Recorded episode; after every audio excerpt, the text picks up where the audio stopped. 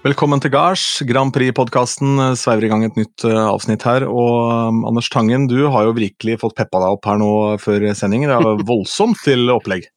Ja, ja, ja. Uh, jeg har vært sjølkjører. Det er et begrep fra radio. hvor jeg sitter aleine, da. kjæresten min har reist til Nord-Norge. og så vi sitter aleine og skal liksom håndtere en sånn livestream som går på alle plattformer. Vi sendte på Twitter, vi sendte på mine private Facebook-kanaler, vi sendte i den der Grand Prix-bobla, som er Facebook-gruppa, vi sendte på ESC Norge, på YouTube og Facebook. Overalt. Bare StreamYard, bare programmerte til absolutt alle ting.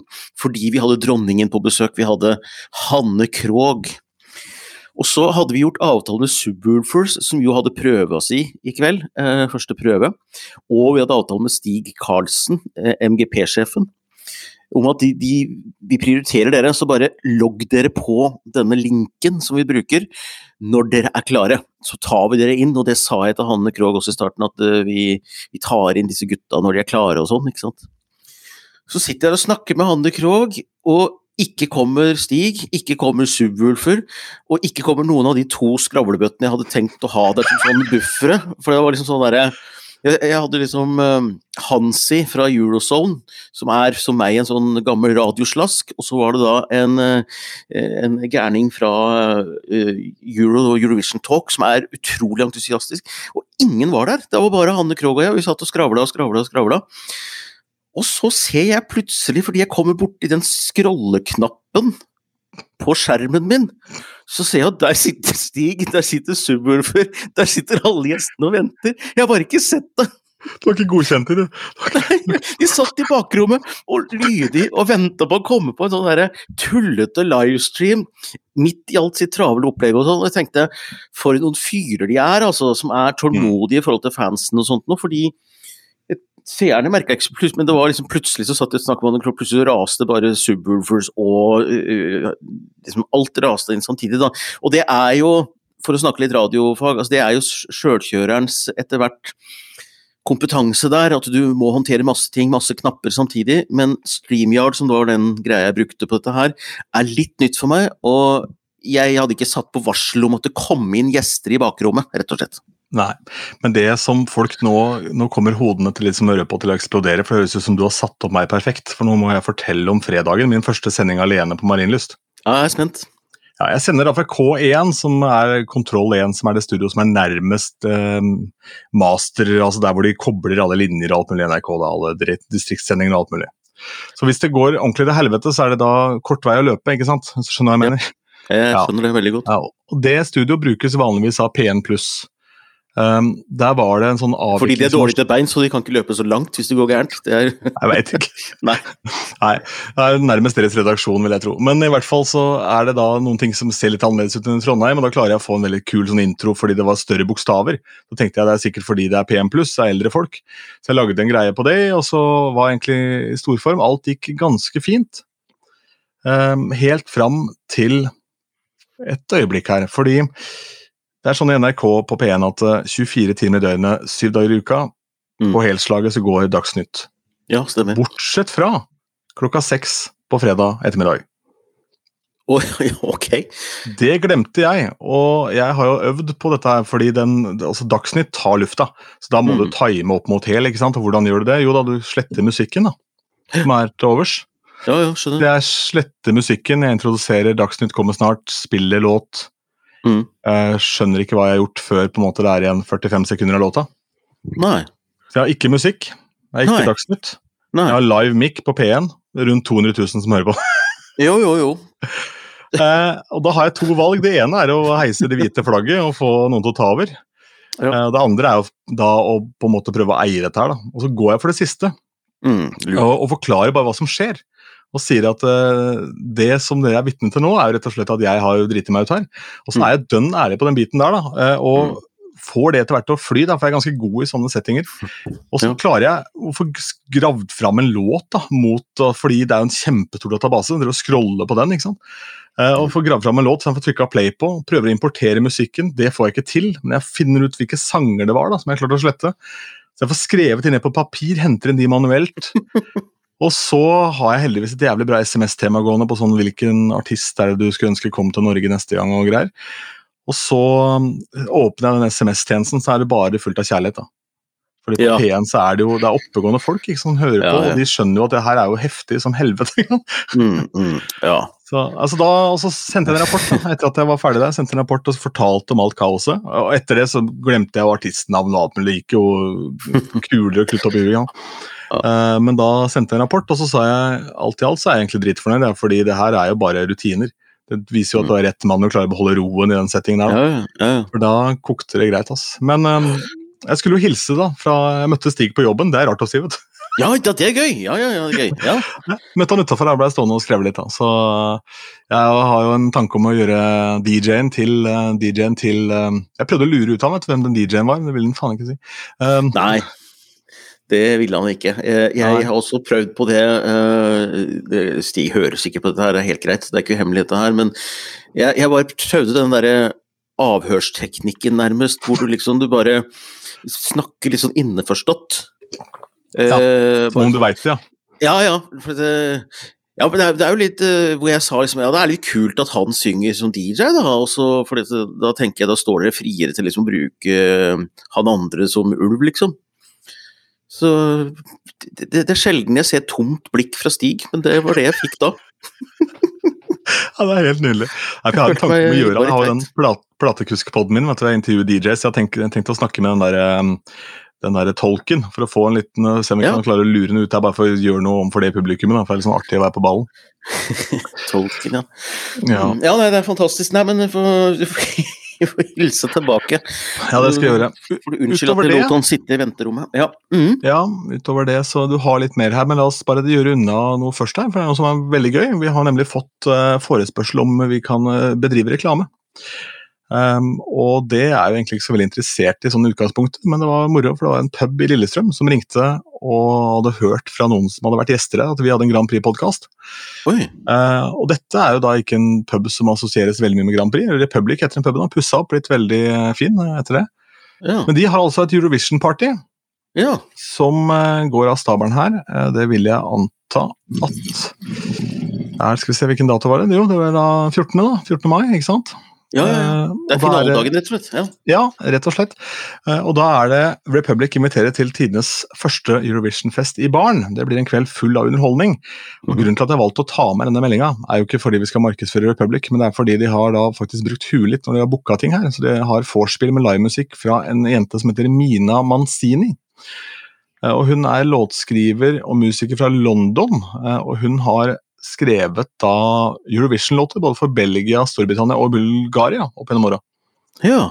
Eh, og har skrevet over 1000 låter. Jeg klarte ikke å finne ut hvilke sanger det var i farta, for jeg har hatt litt sånn mye å gjøre her. Men eh, hun eh, er jo ettertrakta, og da har du klart å booke en dame som har en relevans, og da fortjener hun i hvert fall å bli nevnt, syns jeg, for det er litt gøy. Og det er kult å se også at brune puber som har pussa opp nå, tar i bruk Eurovision for å trekke litt bredere publikum. Det står det står det respekt av. Og så var det litt sånn artig å høre også hvor vanskelig han trodde det skulle bli å få dette nevnt på vår podkast. Det er ikke så veldig vanskelig hvis du Nei, det, det vi, er, vi er ganske billige nede på gata der, vi altså. Så det, Og som jeg sa, da kommer jeg for en gangs skyld med noe til torgs òg, så er det ikke bare andre Ja. som må spe på med noe. nei. nei, men det er kjempefint. Jeg kan jo bare fortelle at eh, Nå har jeg ikke navnet på stedet og sånn, da, men eh, det går an å google seg fram til det. Men, men det er litt kult. Det er, det er ulike typer arrangementer.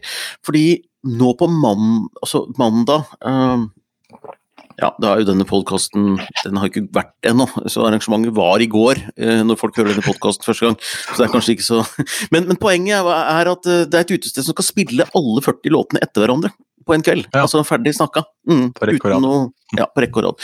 Og så er det jo i år også en del kule finalearrangementer eh, rundt omkring. Eh, blant annet på selveste Hotell The Hub i Oslo, hvor da selskaper kan booke et bord hvis de er 20 eller flere. Så da blir det forskjellige typer foreninger, og jeg vet at det er en del fra gruppa mi Tangens Grand Prix-boble som skal sitte der da og se dette med bra lyd og, og storskjerm og sånt. Så det er jo Moro. Det er vel det feteste hotellet i byen? Det er det nye Klarion som er pussa opp, ikke Ja, ja, det er det som ligger like ved Oslo S der. Eh, Petter Stordalens storstue. Mm. Som uh, parentes er litt sånn raust. De ville at det skulle bli en del av byrommet, så det er jo faktisk en sånn lobby hvor du er velkommen til å gå inn og sitte uten å kjøpe deg noe. Eller altså, hvis det er kaldt ute, så jeg har jo sittet der og jobba av og til og gjort litt ting. Det er kult, det. Det er jo genialt, da. Ja, jeg er jo i et sånt kjør om dagen hvor jeg jobber beinhardt med å finne da, sanger som er dritkjente, men som aldri blir spilt av andre DJs. Ja. Jeg har hatt stor suksess med Daniel Powters Bad Day, bare refrenget selvfølgelig der. Eh, og i helgen så spilte jeg både Bombastic med Shaggy, uh, Because I Got High med Afromann var jeg innom der. en greie, For jeg tenkte den var nummer én i fem-seks uker. Mm. Og det publikum her kan den. Og så spilte jeg Run DMC, It's Like That. Men så er det en til som er en Eurovision-låt som jeg nå nesten bruker hver gang dersom jeg har folk i den målgruppa, og det er Olsen Brothers. Altså Fly On The Wings Of Love. Ja, ja. Det der, det der hooket der, altså det refrenget, gud bedre. Alle kan alle synger med. Du må jo ut av den med en gang du er ferdig med refrenget, selvfølgelig. Eh, for vanlig dødelig kan du ikke verset. Eh, men eh, nei, de nei og det er litt sånn rart vers også. Det er sånn veldig rare perkusjon blant annet i det verset der. Men refrenget med autotune, ja, funny. Men det er, funny. funny fordi de får liksom da, da de trommer, så du skjønner ikke hva som skjer, så kommer den derre Hva er det for noe? Det er vel strengt tatt hva er det de kaller det for noe? På refrenget. Kygo eller... gjorde det populært igjen. Det derre ja, auto... si Sekkepipe, ja, det er jo ikke det. Ja. det der, ja, nei, det vet jeg faktisk ikke. Jeg tror ikke Fløyte, sånn der, ja, instrumentet som de spiller der. Hva heter det? Du får bare eie det, Ronny. Jeg skjønner ikke hva du snakker om. nei, det er jo et instrument som brukes. Ja, det... Den lyden. Lages på hvilket instrument? Det er sikkert et instrument, men jeg ehm, Nei, vet du hva jeg, det, det, det, det Veldig kjent hata instrument. Veldig ja, okay. kjent hata instrument, skal vi se. Eh, for det var mange som spilte nede på, ned på Oslo S. Altså, Utrolig irriterende greie. fordi at jeg blir Lytterne ler høyt av oss, Anders, og det liker ja, jeg litt. Det, det, det ja, det skjønner jeg også, fordi hvilket ja. instrument er det på Olsen Brothers som er irriterende? Det er jo irriterende, men karimba? Nei. Nei, nei. Eller kommer etter hvert. I hvert fall. Det, den, når det kommer, da, så kjenner folk det igjen. Det der, ja, okay. Nå kjenner du lever, det er deilig. Ja. Ok. Det, som, det, det kommer snart. For hegre. Mm. Ha litt mer um, Du har scenetrøbbel her, og det har vi jo allerede vært innom at det har vi frykta. Fordi de ja. har vært litt seint ute, men hva, hva, er det som har skjedd? Nei, det morsomme er jo at da vi hadde Stig Karlsen Panfløyte! Panfløyte! Panfløyte! Oh, ja, sånn, ja. ja, det er panfløyte på den, ja. ja. det var panfløyte, ja det er riktig. Det hadde Bettan også, med I evighet, som kom på andreplass i 1996. Uh, jo, Stig Karlsen, ja. Uh, uh, scenetrøbbel, jo, for han var jo gjest hos oss. Eh, Podkasten da snakka vi, husker jeg, om den derre Han skrøt så fælt av scenen, det skulle være fossefall, og det skulle være en sånn stor greie midt på scenen som skulle være som en slags sol som skulle stå og skinne. Og den baserer seg på kinetisk energi. altså Den skal eh, ikke kinesisk, men kinetisk. altså Den skal liksom bevege seg sånn rundt da, ikke sant, og gjøre dette storslagent. Den har jo virka fram til nå, men nå har den altså kjørt seg helt bom fast. Og de har gått ut og sagt at dette får de ikke fiksa, da må de altså demontere hele scenedriten. Så det, det blir ingen sånn sol, men det blir en sånn liten sånn LED-skjerm inni denne sola. Og så må du, må du gjøre om på masse numre, da. og uh, Litauen er jo kjempesure. De som har litt sånn balladeaktige låter, er mer sure, for det er da du, får, da, da du skal lade liksom vakre lysgreiene og sånt noe. Subwoolfers, våre norske ulver og sånn, tror jeg ikke vil lide så mye under det. Uh, fordi det er andre ting som skaper uh, dynamikk i det. Mye pyro og mye trøkk og sånn, men uh, det er jo, det er jo jævlig kjedelig. Altså, det her er også sånn klart igjen, da. Jeg skjønner at det er interessant å overgå fjoråret, at man på en måte, men mm. prøv da i hvert fall å ikke pushe det så mye at det ikke er kjent farvann lenger, kanskje. Nei, og det ikke kan fikses. Eh, nå så jeg det var en på Esk United, Matt heter han, de sitter jo og har sånn livestream, eh, som fortalte det at de skal ha en åpen dag nå på søndag. Da har de halvannen dag på seg, så det spekuleres i da om de kanskje kommer til å prøve å demontere deler av scenen for å få satt på plass denne her eh, sola igjen. Men det jeg tenker da, sånn helt sånn Det er jo ingen som veit hvordan det skulle vært. Vi har jo ikke sett sett den sola in, in action, så det blir sikkert bra likevel, men det er jo utrolig irriterende. Jeg vet ikke hvor mange millioner kroner de har brukt på den, men uh, Nei, og så er det jo en del av tanken bak det, så du må da finne en sånn reserveplan. Og det begynner jo å røyne på her nå, det er jo 14 dager igjen, på en måte. Så... Ja, det er 14 ja. dager, det er ei uke til Ja, til det braker løs med ja, semifinaler og delfinaler. ja. Mm. Uh, nei, så da, Men hvordan går det med vannet? Altså det, det, går bra. det går bra. Jeg har ikke hørt noe trøbbel med det. Det eneste er at uh, i år har EBU laget en uforståelig avtale om at bilder fra prøvene er eksklusivt Uh, rettighetene er gitt til TikTok. Det er sikkert en sponsoravtale. Ja. Så, så, nå må du se sånne bilder, bitte, bitte, bitte små bilder, og det er så tregt. Altså det, det, I fjor så ble vi oppdatert liksom det kom, Når eh, Subwoolfer går på scenen klokka tre, så regner du med at du før fire så har du noe ute, liksom. Men nei da. Klokka blir seks, og den blir sju, og det er liksom sånn derre Det er så tregt. Stikk motsatt av hvordan TikTok skal fungere, er det ikke det? det ja, ja, veldig. Ja. Det er nettopp det. Så, så, nå har TikTok fått et sånt ry som er utrolig tregt og tungrodd, og det er jo litt pussig. Uh, så uh, der sitter folk og følger med på disse prøvene, da. Uh, men det er små bilder. Uh, hvorfor begynte vi å snakke om TikTok? Fordi vi snakket om prøver. Prøver, ja. Eh, og de er eksklusive på TikTok, de prøvene? Ja, de er prøvene. Ja. Nei, i hvert fall. Men nå kommer jo fanpressen, nå kommer pressen nedover. Fra onsdag av så blir det mye mer tilgjengelighet, for da får de tilgang. Og da vil de dekke dette her på ulike måter, da. Mm. Mm, spennende. Men eh, er de happy så langt? Mest trolig ikke, kanskje? For de har jo blitt eh, lukka ute fra disse prøvene. og det er det Nei, fanpressen er ikke fornøyd. Jeg satt og så på Matt ja, på Esk United. Uh, og det var en frustrert fyr. Litt sånn som deg. altså Dead air er jo et begrep i radio altså hvor det egentlig ikke er noe. Det var det du opplevde når du satt der og ikke visste hva du skulle gjøre. Det er jo dead air som du må fylle. Og dette er jo folk som har sittet og hatt livestreams med prøver, og det er gjester, og det har skjedd noe absolutt hele tida. Det er det som er motoren. Og, han og det har gleda seg, gleda seg noe sinnssykt til at det skal være full rulle igjen, ikke sant. Og de har brukt penger på det. Og så nå sitter de og venter på noen bitte små eh, bilder fra TikTok, eh, som er kinesisk styrt. Eh, som for øvrig nå har banna, eller i hvert fall cancelled, en av bildene fra prøvene fordi det var for vågalt for TikTok. Og da merker du liksom at europeiske TikTok støter opp mot kinesiske TikTok i forhold til liksom hvordan skal du løse dette her. Eh, for når Eurovision stiller med Albania, eh, hvor hun da står der, eh, og videoen blir for sexy, så bildene fra prøvene er altså tatt ned av TikTok. Da, da, da blir det totalt absurd alt sammen. Mm. Jeg hadde gleden av å se slutten på filmen Fight Club på kinesisk. Det er en tekstplakat da, som forklarer hva som egentlig skjedde. Altså, ja. Hvor alt gikk bra. Du kan ikke vise den, nei. alt gikk bra. Det var helt topp, det. Null stress. Der ble, får du bare forklaring på hva som egentlig skjedde. Alt gikk bra, ferdig. Ja. ja, ja det var ikke langt unna i hvert fall. Det var dikta opp en historie om at uh, Taylor endte opp der og der, og det var sånn og sånn, og starta bensinstasjon omtrent. Det var deilig. Det kunne være fristende, fordi Eurovision i år er altså satt opp på sendeskjema til skal vi se, Den starter altså klokka 21, og så er det satt opp til slutt klokka 10 på 1. Det er altså 3 timer og 50 minutter er satt av i år. Det er nesten 50 minutter mer enn det som er vanlig. Så Det har vært diskusjon om det kanskje har blitt for langt, og da tenker jeg noen kunne kanskje ønska seg en sånn plakat sånn i tolvtida, hvor det står sånn hvem som vinner, og så kan du gå og legge deg. Men eh, det, ja, det, høres jo ut som et eh, ja, voldsomt langt show. da. Altså, det er jo uten sidestykke det lengste som pågår, eh, med unntak av Bergensbanen minutt for minutt. da. Ja, det er jo Det er jo europeisk kultur minutt for minutt, etniske instrumenter og panfløyte. Men det er ikke panfløyte med i år. Men det er jo Men det har jo alltid sprukket på tidsskjemaet òg, da. Altså, så det er mulig at de nå har liksom bare tenkt at ja, men da setter vi opp, så slipper vi å sprekke ikke.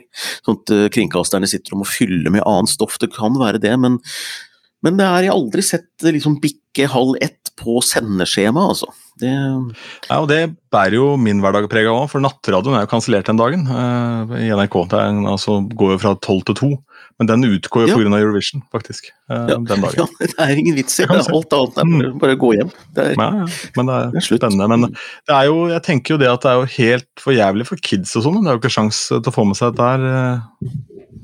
Nei, det er et kjempedilemma. Jeg har jo en sjuåring, og det er sånn vanskelig fordi hun syns dette er gøy, ikke sant? men hun kan jo hun er følsom for søvn. Da, for Hun får jo ikke en bra skoledag før på onsdag igjen, hvis hun skal sitte opp, opp og se på dette. Det er, så det går ikke. Så det, det blir eh, formiddags-TV dagen etter også. Og så må du late som at du ikke har sett det, fordi tid og rom er litt ukjent for dem. Så det er liksom sånn dere, Hun kan tro at det går live på søndag formiddag, hun altså. Det går bra. Ja, da må du ikke, ikke, få et barn til, for da går det galt. Det var sånn som da jeg var nisse og klatra opp liksom uh, utafor opp på terrassen og greier. og så, for Jeg hadde to nieser, og hun eldste hun skjønte jo at det var meg. Ja, okay. Og hun yngste hun klarte fremdeles å lure, så derfor så gikk vi litt sånn ekstra for det. Da, opp med en stige opp på terrassen og kom inn fra andre etasje bakveien, liksom. Du brukte ikke pipa? Ja, ja, pipa var ikke mulig, jeg var for feit. Så jeg var altså for god nisse. Men i hvert fall så sier da det første hun sier da jeg kommer inn døra, da eldste niesen min her Jeg lukter parfymen din, onkel Ronny. Så ble jeg takk skal du ha. Jeg klatra opp her. Faen. Nei, men unger er slemme sånn. De, de, de, de, er ikke lojale, vet du. De er ikke det. Eh, Nei. Nei, ikke noe sånt. Det er, det er noe med det. Uh, jeg har stabla på beina. Er du ferdig med det du hadde, eller hadde du mer? Ja, jeg er vel egentlig det. Det eneste var at uh, Subwoolfer har jo hatt sin første prøve, og den har blitt seriøst, den har blitt veldig godt tatt imot, altså. Uh, hos den uh, største bloggen i um, som jeg har referert til flere ganger, Weeby Blogs. eh, hvor, hvor, de er liksom oppgitt over hun dama der. Eh, hvor hun tar bananen eh, Hun blir bare spurt ja, hva tenker du om prøven? Og så lager hun liksom truten, og så tar jeg fram en banan og nei, nei, nei. skreller den utrolig sensuelt og sier nei, nei, nei, nei. The staging was delicious. Much good yellow stuff. Hva er det som skjer? ja, liksom, og, og, det var sånn derre Jeg ble helt stille på, live, på livestreamen til Weeby Blogs, og, men det var tydelig at hun var veldig begeistra, for, si for å si det mildt. Nei, så hva skjer? Og, nei, og, og når jeg da i tillegg har hatt intervju med Hanne Krogh i denne livestreamen jeg snakket om tidligere, eh, hvor hun da også sitter og blir nesten litt sånn matt i blikket fordi Subwoolfers disse ulvene er så utrolig sexy. Eh, det, det, det, er noe Jeg syns de er morsomme, syns det er kult, men, men, men, det er noe jeg ikke helt skjønner der. Ja, nei, jeg kan eh, Ja, nei, da har det vel rabla litt for Hanne, da. fordi altså, altså, du skal jo være redd for ulven. Altså, Den skal jo spise bestemor, og hun er bestemor, vel. Eh, ja, så hun er jo ja. midt i målgruppen. Altså, Hun ja, er jo innenfor hugg. Kanskje hun det er det, er det, men jeg vet ikke hvordan det er med Ingeborg Heldal, som også var med i Adresse Adresse Torino, eh, som også sa det samme på lørdag. At hun syntes at de var så Hvordan er det mulig å lage et sånt nummer med gule masker og så være så sexy? Så jeg, jeg, det, det, er vel mulig at det er du og jeg som er noe vi ikke helt har skjønt, da. Men det finnes sikkert en klubb på nettet for dette her også. Det jeg... Ja, garantert. Ja, nei, men jeg har aldri i mitt liv jeg sittet og tenkt på, på en ulv eh, og tenkt at det er noe som appellerer til meg. Men det er noe så, men, vær så god. Det blir jo liksom boksmat, dette her da, kanskje for de som har sett uh, andre ting du har gjort før i dag. Men hva, Hanne, følger Hanne med på Eurovision uh, nitidig hvert år? Veldig. Mm. Hun, uh, hun, er, hun, er, med i Tangens Grand Prix-boble, og hun er, hun er veldig lojal mot Eurovision og MGP og syns genuint det er moro, og er veldig oppdatert veldig på mm og trender og hva som funker og ikke funker. Det var veldig gøy å ha henne med. Veldig gøy. Ja, for jeg har også alltid likt uh, altså, ja, Det er to aspekter ved Hanne. da, for Det ene er jo det at uh, hun uh, er jo volds, voldsomt kunnskapsrik, så du får jo aldri sendt henne på dør, for å bli stående og prate i timevis. Så det, dagen blir jo veldig litt kort da hun har vært innom. Og, men samtidig så syns jeg det er så kult at hun står og belærer meg opp og ned om om eh, norske produsenter i utlandet som er hippe. på en måte, Lido var det vel sist hun var innom.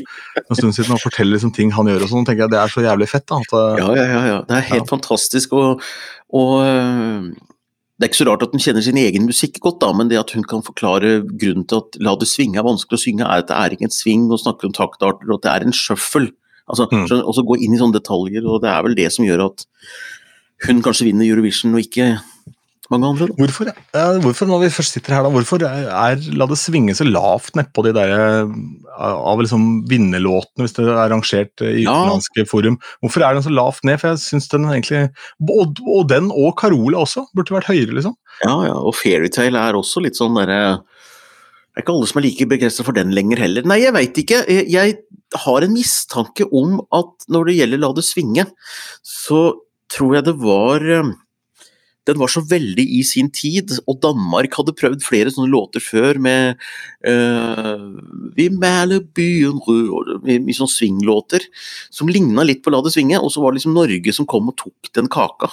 Mens egentlig mm. andre hadde prøvd før oss. Så tror jeg Jeg vet ikke om det har hatt noe betydning, men den var kanskje litt for tidstypisk, altså. Veldig sånn 80-tall. Ja. At den ikke er tidløs nok, jeg vet ikke. Ja, og da, da blir det fort liksom stempla som en 80-tallslåt òg, for det er, sånn, det er ikke et sånn låt jeg en låt er veldig lett å gå til, for det er en veldig takknemlig låt å spille, for all, absolutt alle kan, og du kan danse til den, men eh, prøver å unngå den, fordi den er jo Den er jo veldig sånn hvis du ser for deg en party-DJ, så spiller han den. da. Så Hvis du klarer å finne noe annet som er litt krydder, så skiller du deg ut. Da blir det en skiller blant sviskere, på en måte.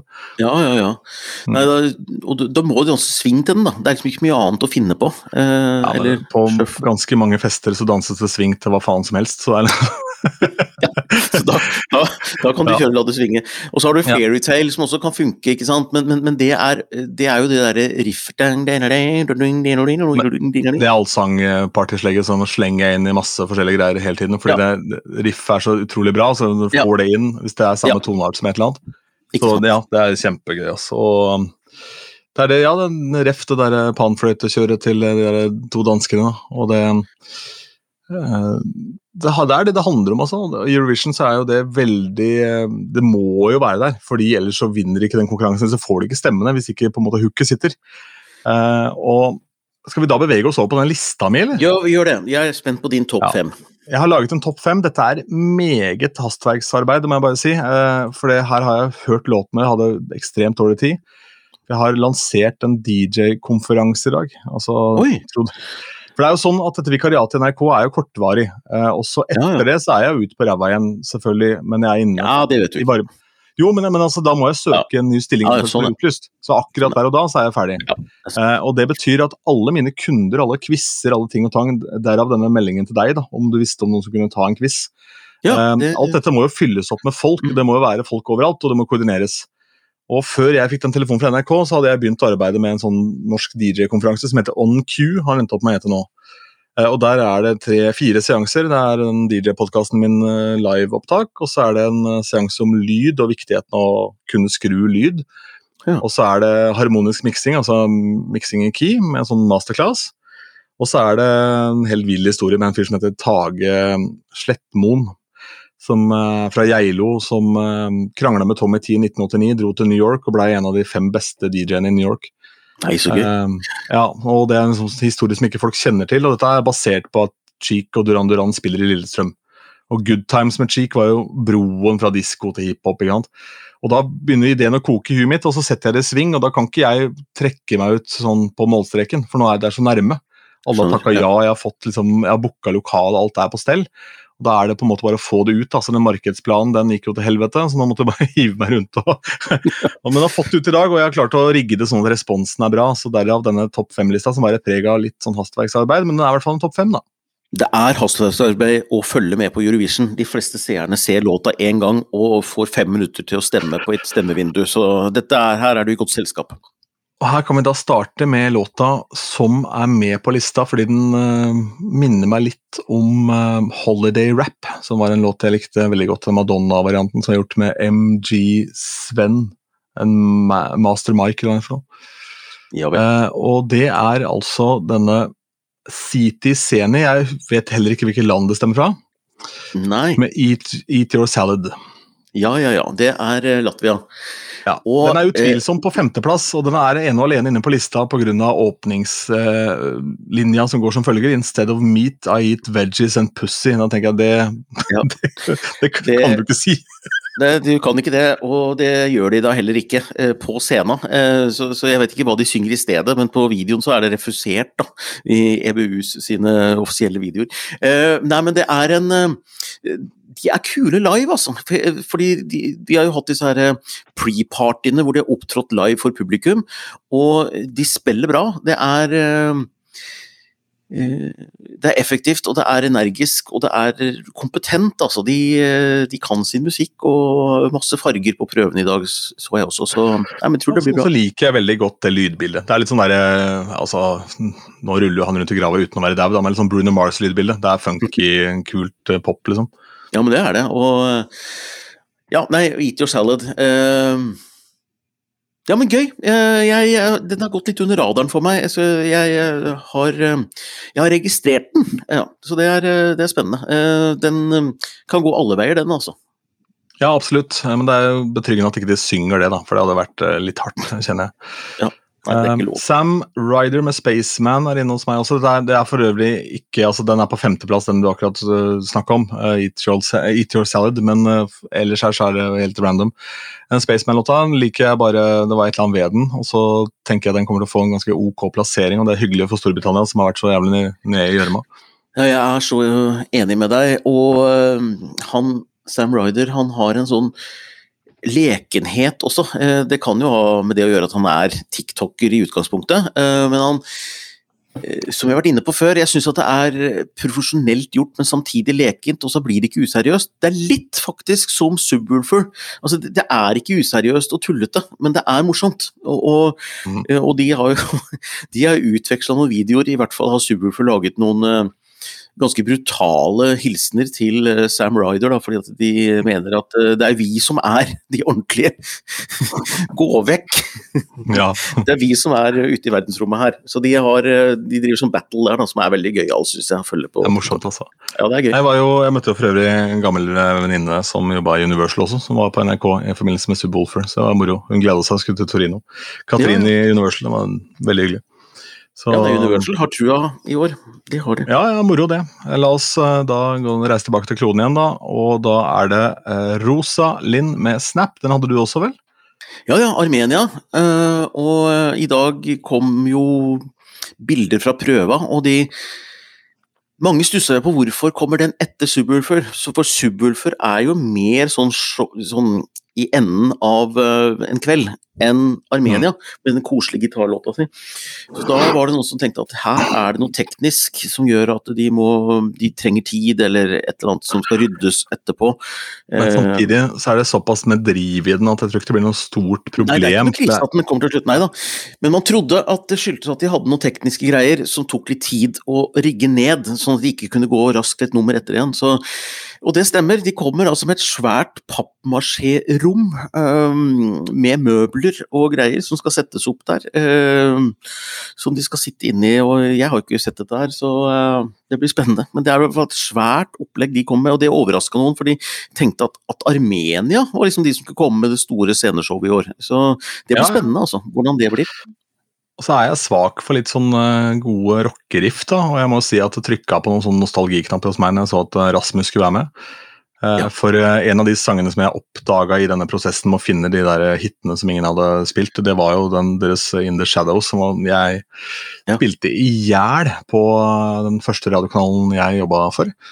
Så denne Jezebel fra Finland da, den er inne på denne topp fem-lista, rett og slett fordi jeg liker det der riffet. Altså, og så er jeg, ja, må ha noe rock inn her, altså må ha noe gitar.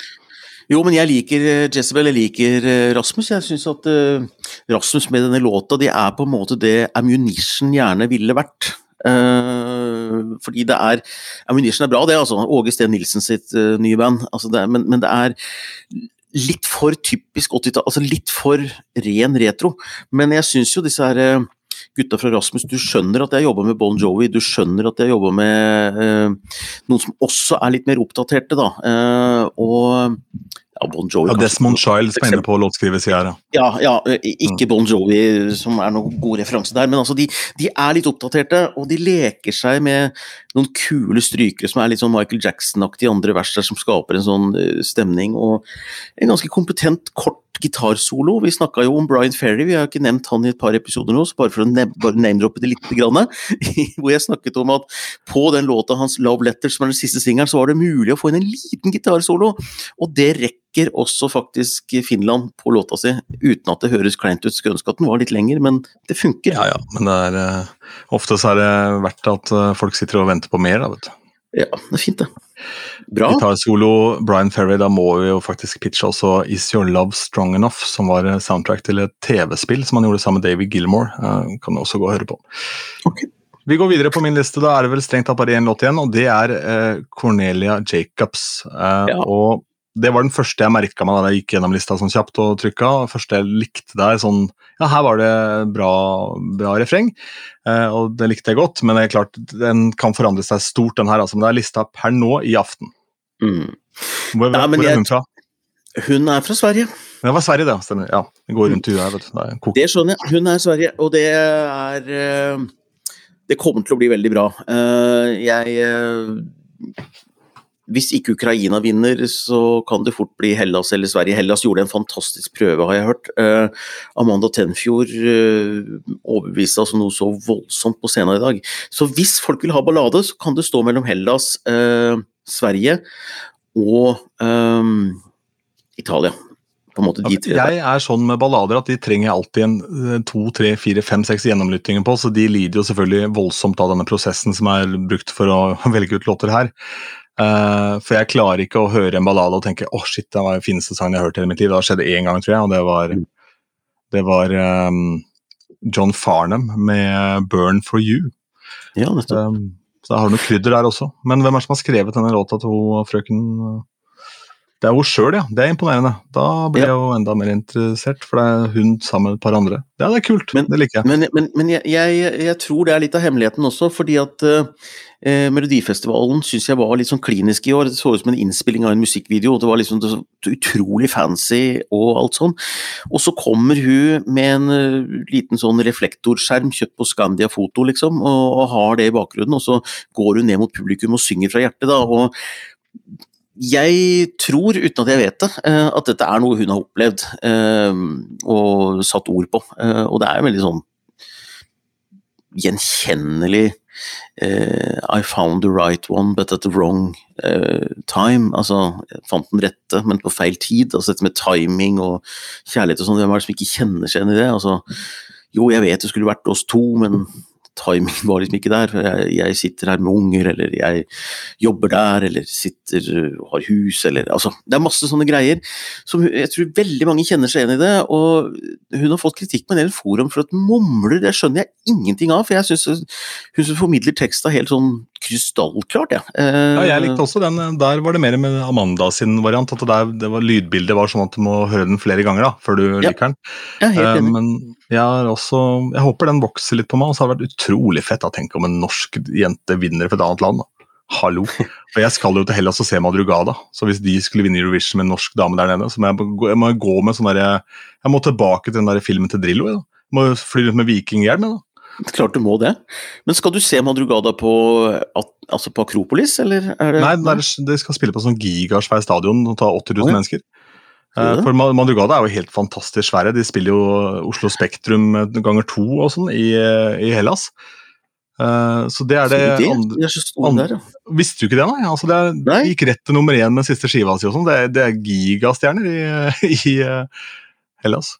Jeg håper ikke at samboeren min hører på denne episoden her, fordi hun er jo barndomsvenn med Sivert Høyem og fra Sortland, begge de to, så de er liksom sånn De kjenner hverandre, da. Så nei, Sivert, eh, det er kult, altså. Du har vært stor i Hellas lenge, og det, det er, det er ja, jeg visste ikke det. Men, eh, nei, men, nei, men det er jo veldig gøy. Det er kjempegøy.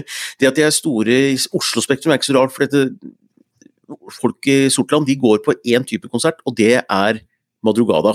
Så de eh, tar fly fra Evenes ned hit, og så fyller de Oslo Spektrum hver gang de spiller her. Det er ikke så mye Oslo-folk eller østlendinger her, men det er Sortland som bruker det som Oslo-festen sin. Det Ja, er er det ikke det? bare Sortland, gitt. Det er, det er, det er god blanding okay. der, for dette her, det er et voldsomt bra band. Altså. Og det er det. stor- det, er det. Det er det. Og jeg, jeg har sett de faktisk, jeg så deres første gig i Ungarn. Eh, for da spilte de på en, var en båt som lå til kai i eh, havna der. og da, Det tok bare 700 pers, og så var det billetten kosta 200 spenn. for Vi var i Ungarn, ikke sant? Det, Ja, ja, vi kjenner ja. det der. Men det ble selvfølgelig delvis ødelagt av eh, sånn som deg og meg fra Norge, da. Fordi det var jo et voldsomt kjør på Sivert, stakkar, med selfier og sånn. Jeg har kommet hele veien fra Norge, så jeg hallo, det er fra verdens rikeste land. Billettene koster 200 spenn, du har flydd ned. Altså, Du fortjener ikke noe La noe ungarerne som digger Ja. Madrugada, få den Det Ja. er jeg helt enig med Sivert i, altså, eh, hvis, hvis det var han som tenkte sånn. Eller, Nei, det var ja. jeg som tenkte sånn. Du som tenkte, ja, men det er jeg helt enig med deg. Ja, det er ja, helt enig kommer med jo kommer av Grete, da, vet du, må ha litt av selfie med Sivert. Da. Han har først har reist hele veien til eh, Ungarn. Ja. Nei, vet du hva, eh, ligg unna. Eh, nei, men det er eh, Madrugada er jo, og Sivert Høyem er vel kanskje ved siden av Julie, Julian Bergan, som har vært med i MGP eh, før, men eh, før hun ble så stor som hun er nå. Men han står nok nesten øverst på ønskelista mi som Eurovision-artist. Altså en fantastisk eh, rockballade med trøkk, altså med intensiteten til Margaret Berger, 'I Feed You My Love', og så stemma til Sivert Høyem. Eh, da, da, vinner vi jo! Altså det, det, det er greit, det. Madrugada har to, to, grep de gjør sånn sceneteknisk på konsertene sine, uansett størrelse på rommet. Og Det ene er at han har en diskokulejakke. Og det er meget effektivt. så På en av låtene så settes jo spottene på han, selvfølgelig. Uh, brukes kun på én sang. Og det andre er at rommet blir helt svart. Mm. Og så har han én Maglight som Sivert har i hånda. Da er det han som er hele lysshowet, og det er altså så jævlig heftig, det. Ja, ja. Uh, og du sitter bare og venter på at det kommer der. Litt sånn som uh, Du må ha noen sånne staples på Depeche Mod da når jeg var på den, og de spilte uh, Første låta som virkelig dro det til, det var den derre 'Everything Counts'. Eh, og da snur han eh, godeste herremannen som er i front her, han snur eh, mikrofonstativet opp ned, og så stomper han takten, liksom. Så du hører støvlene hans. Og, og, det ser så effektivt ut. da. Ja, ja. Du står på catwalken, så er det, det er noen sånne grep der som er dritenkle, som også kanskje Eurovision burde tatt litt tak i. fordi det, Du kan gjøre utrolig mye med veldig mm. lite. Du trenger ikke den store sceneriggen nødvendigvis. da. Nei. Smarte show, kaller jeg det. Altså, mm. Smarte sceneeffekter. Scene, eh, og, mm. det, ja, og det kan Madrugada. så de hadde, Jeg så dem på Norwegian Wood en gang, og det var for så vidt ikke noe originalt, men det var dette med silhuetter og et sånn teppe som faller ned. Eh, og, så, ja, ja. og, motlys. Så veldig veldig enkelt og mye brukt, men effektivt. Så ja. ja. Så er det et eller annet det lar seg gjøre på alle festivaler. for På festival så må du på en måte forholde deg til det som er av ting og tang i taket. Ja, ja. Sånn, som du kan ikke ha med all verden. ikke sant? Nei, det er så, Jeg prata for øvrig med han som arrangerte Palmesus og sånn. Han har jo samme scenemester nå på sin nye festival som de har på Stavern. Eh, og han har booket scooter til denne festivalen. da. Ja, nettopp. Han har vel det. Ja, og han, han har hatt alle de beste DJ-ene i verden sånn, på Palmesus, og kjempestore artister. Aldri fått mer feedback noensinne når han booka scooter. For da sender hele Sørlandet melding og sier 'tusen takk for at du tar med scooter til Sørlandet'. Og han Scenemesteren sier at dette her er den sjukeste rideren jeg har sett noensinne. og Vi har hatt Elton John og Ed Sheeran og gud faen veit hva. Du har Lipa og alt har på Stavern. Vi har ikke sjans til å oppfylle noe av det, men hva tenker du? Nei, vi bare lar det stå til, sier Heine. Å, scooter! Vet du hva, det, det, er en av mine Jeg har jo en karriere som standup-komiker, eh, mer eller mindre vellykka, men eh, jeg hadde en, jeg hadde en, så, jeg hadde en scootervits eh, som jeg syns er litt morsom. Fordi at jeg, eh, jeg, jeg, ble beskyldt for å bli Norges nye Vidar Lønn Arnesen, for jeg var så ekstremt folkelig, og jeg var programleder for Ti i skuddet. Eh, i en periode på P3, eh, da det var annen type musikk enn da Vidar Lønn Arnesen var der. Så jeg lagde vits på og sa at blir jeg da Norges nye Vidar Lønn Arnesen? Betyr det at jeg skal stå og lage allsangprogrammer av typen da capo, eller synge allsang og være sånn jovial og få folk med på allsanglåter fra 90-tallet, hvor, hvor, jeg da var programleder på Tiskuddet. Hvor, det, hvor, liksom der, hvor vi skal få med gamlingene på gamlehjem med liksom 'Move your ass!' Altså, ja, ja, så. Det som er deilig med scooter, er at de har noen ufravikelige krav. Da, hvordan backstage skal se ut. og sånn. Jeg har vært involvert i bookingen av de. Ja, hva er det for? Ikke bookingen. Nei, altså, nei, de, nei, Det er jo selvfølgelig masse forskjellig, alt du kan drømme om av ting å drikke og spise og sånn, men det skal se likt ut uansett hvor de er, så du får et bilde av hvordan det skal se ut. Og da når vi var i Askimhallen, da, mm. en idrettshall i Askim fra 19 pil og bue, så er det klart, da var det ikke så lett å få den garderoben der til å se sånn veldig sexy ut. Og så gikk strømmen og sånn, så det var ikke, det var ikke ti av ti det showet der. da. Men det var altså i glanstiden, da de hadde, der, da de hadde det store comebacket hvor de covra Supertramp. Men uh, de har krav om da hver sin limousin fra flyplassen, og det får de stort sett, da, for det er mulig å gjennomføre. Ja, det som var litt pinlig, var jo da de skulle gjøre sånn turné. Ja, Thomas, hvis du har problemer med det her, så Nei, du sa han var en kukk, så da ga du faen, var ikke det du sa? jo, Borgvang som har fortalt meg dette her, så bare så ikke jeg deler noe som, uh, som ikke jeg burde dele. Men uh, jeg tror han sa det på en podkast, så det er for greit. Jo, og da er det sånn scootergutta de blir henta i limousin og skal kjøres da de hadde en norgesturné med Will of the Nineties. Og så ser Hadaway dette. Å oh, ja, ja, ja, jo, vi er i den gjengen, ja selvfølgelig. Ja, det er jo en gjeng. Og blir ja, selvfølgelig da indignert så det holder, fordi han skal også ha limousin. Der hvor Scooter deler en limousin da, fra A til B, ikke sant? så ender Hathaway opp med å sitte aleine bak en limo bare fordi på, han skal det på trass. Nei, det er herlig. Ja, du, Og Hathaway, ja. Vi har spora bra nå når vi ender opp i Scooter Hathaway. Ja, men, jo, men det er ikke så gærent, fordi det, det er litt det landskapet at det handler om For å oppsummere, da. Eurovision handler jo mye om å hype det. Altså, for Hvis du ikke hyper og ikke gjør ting litt større enn det er, så faller det litt sammen. Altså Madrugado som sier, de kan kjøre på med enkle lommelykter og kjøre litt sånn enkelt, men noen ting er litt avhengig av litt størrelse, altså. Eh, og jeg tror scooter blir ikke det samme hvis han kommer på scooter enn i en limousin. Oi, ja, nå var du god. Altså, den skulle du fått til å avslutte på, men jeg har litt viktig info på slutt her. Fordi ja. denne Morten Olsen fra Republic, da, som har sendt denne mailen, han ja. har jo da en fordel av å være først, må være lov å si. For det er ikke sånn at alle som sender oss mailer om alle fester i hele verden, får dette på denne podkasten. Men uh, man har klart å booke en artist, ja, i hvert fall hvis du klarer å selge den inn at den har en verdi, ja. Så, uh, som er mer enn at det bare spilles noe Eurovision-musikk på Spotify. Uh, men her er jo altså denne Mina Manzini som har ja. skrevet låter for flere forskjellige acts, og dette skjer altså på Republic Lillestrøm. Det er tydeligvis da Eurovision Place to be da under selve finaledagen. da. Gøy, gøy, Konkurranser gøy. og premier og litt forskjellig, og begrensa med plasser, så oppfordres til å booke bord. Det tror jeg nok går bra, men det får vi se på. ja. Herlig. Hvilken dato var det, sa du? Ja, 14. Ja, det er, 14. Ja, det er jo finalen. Det er finaledagen, ja.